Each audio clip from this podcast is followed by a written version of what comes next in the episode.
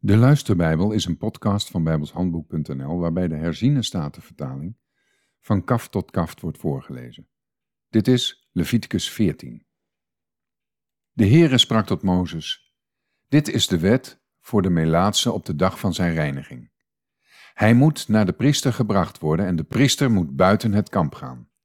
Heeft de priester vervolgens gezien dat, zie, de ziekte van de melaatsheid bij de melaatse genezen is, dan moet de priester opdracht geven dat men voor hem die gereinigd wordt twee levende reine vogels neemt: cederhout, karmozijn en hyssop. De priester moet dan opdracht geven dat men de ene vogel slacht boven een aardenpot met bronwater. Dan moet hij de levende vogel nemen met het cederhout, het karmozijn en de hyssop hij moet die alles met de levende vogel dopen in het bloed van de vogel die boven het bronwater geslacht is. En hij moet hiermee zevenmaal sprenkelen op hem die van de melaatsheid gereinigd wordt. Daarna moet hij hem rein verklaren en de levende vogel in het open veld weg laten vliegen. Wie gereinigd wordt, moet zijn kleren wassen, al zijn haar afscheren en zich met water wassen. Dan is hij rein. Daarna mag hij in het kamp komen, maar hij moet zeven dagen buiten zijn tent blijven. Op de zevende dag zal het zo zijn dat hij al zijn haar afscheert, zijn hoofd, zijn baard en de wenkbrauwen van zijn ogen, ja, al zijn haar moet hij afscheren, zijn kleren wassen en zijn lichaam met water wassen. Dan is hij rein. En op de achtste dag moet hij twee lammeren zonder enig gebrek nemen en een ooilam zonder enig gebrek van een jaar oud. En ook drie tiende eva bloem als graanoffer, met olie gemengd en een log olie.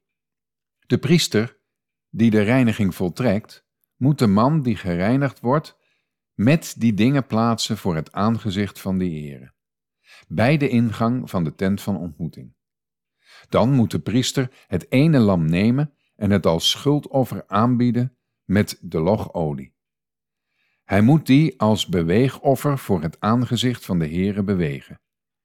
Daarna moet hij het lam slachten op de plaats waar men het zondoffer en het brandoffer slacht op de heilige plaats. Want het schuldoffer, evenals het zondoffer, is voor de priester. Het is allerheiligst. De priester moet dan een deel van het bloed van het schuldoffer nemen en de priester moet dat strijken op de rechteroorlel van hem die gereinigd wordt, op de duim van zijn rechterhand en op de grote teen van zijn rechtervoet. De priester moet ook een deel van de logolie nemen en het in de linkerhand van de priester gieten. Dan moet de priester zijn rechtervinger dopen in een deel van de olie die in zijn linkerhand is en een deel van die olie met zijn vinger zeven keer sprenkelen voor het aangezicht van de Heere. En van het overige van de olie die op zijn hand is, moet de priester op de rechteroorlel strijken van hem die gereinigd wordt, op de duim van zijn rechterhand en op de grote teen van zijn rechtervoet, boven op het bloed van het schuldoffer. Wat dan nog overgebleven is van de olie die in de hand van de priester is, moet hij op het hoofd strijken van hem die gereinigd wordt. Zo doet de priester voor hem verzoening voor het aangezicht van de Heere. Daarna moet de priester het zondoffer bereiden en verzoening doen voor hem die van zijn onreinheid gereinigd wordt. Daarna moet hij het brandoffer slachten. De priester moet het brandoffer en het graanoffer op het altaar offeren.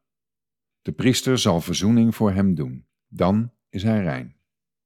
Maar als iemand arm is en zijn vermogen is niet toereikend, dan moet hij een lam nemen als schuldoffer tot beweegoffer, om verzoening voor hem te doen, met daarbij een tiende eva meelbloem met olie gemengd als graanoffer, een log olie en twee tortelduiven of twee jonge duiven, al naar gelang zijn vermogen reikt, waarvan de ene een zondoffer en de andere een brandoffer is.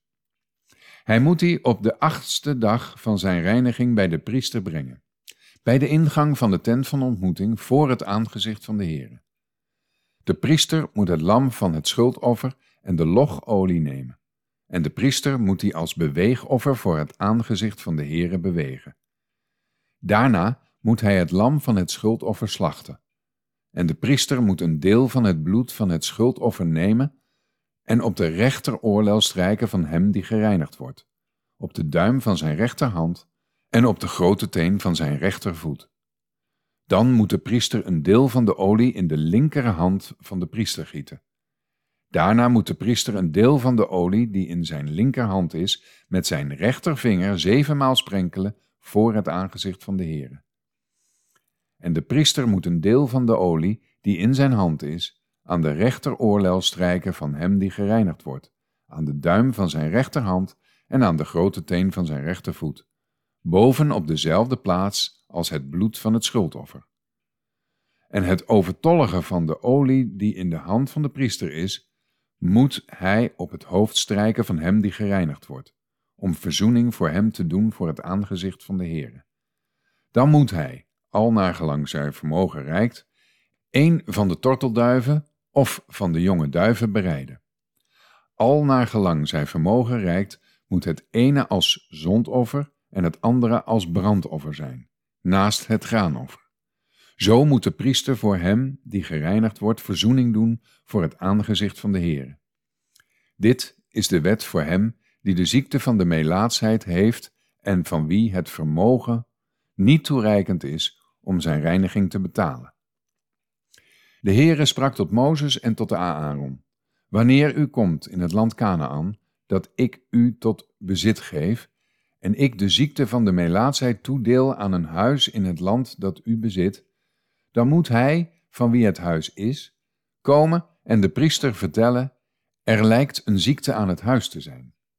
De priester moet dan opdracht geven dat zij het huis ontruimen voor de priester komt, om die ziekte te bezien, zodat niet alles wat in het huis is onrein wordt. Daarna moet de priester komen om het huis te bezien. Heeft hij de ziekte vervolgens bezien en zie, de ziekte aan de muren van het huis bestaat uit groenachtige of roodachtige kuiltjes die zichtbaar dieper liggen dan de wand, dan moet de priester uit het huis door de deuropening van het huis vertrekken en het huis zeven dagen laten afsluiten. Daarna moet de priester op de zevende dag terugkeren. Wanneer hij ziet dat, zie, de ziekte zich op de muren van het huis heeft uitgebreid, dan moet de priester opdracht geven om de stenen waaraan die ziekte zich bevindt eruit te breken en ze buiten de stad werpen, op een onreine plaats. Het huis moet hij van binnen rondom laten afschrappen, en zij moeten het leem dat zij afgeschrapt hebben buiten de stad op een onreine plaats storten. Daarna moeten zij andere stenen nemen en invoegen op de plaats van de eerste stenen. En men moet ander leem nemen en het huis bepleisteren. Maar als de ziekte terugkeert en in het huis uitbreekt nadat men de stenen uitgebroken heeft, na het afschrappen van het huis en na het bepleisteren, dan moet de priester komen. Als hij ziet dat, zie, de ziekte aan het huis zich heeft uitgebreid, dan is het een kwaadaardige melaatsheid in het huis. Het is onrein. Dan moet men het huis, de stenen en het hout ervan afbreken, en ook al het leem van het huis, en men moet het buiten de stad brengen naar een onreine plaats. Wie het huis binnengaat gedurende dagen dat men het afgesloten heeft, is onrein tot de avond. En wie in het huis slaapt, moet zijn kleren wassen. En wie in dat huis eet, moet zijn kleren wassen. Maar als de priester weer naar binnen gegaan is en hij heeft gezien dat, zie, die ziekte aan het huis zich niet heeft uitgebreid nadat het huis bepleisterd is, dan moet de priester het huis rein verklaren, omdat de ziekte genezen is. Vervolgens moet hij, om het huis te reinigen van zonde, twee vogels nemen, cederhout, karmozijn en hyssop. Hij moet verder de ene vogel slachten boven een aardepot met bronwater.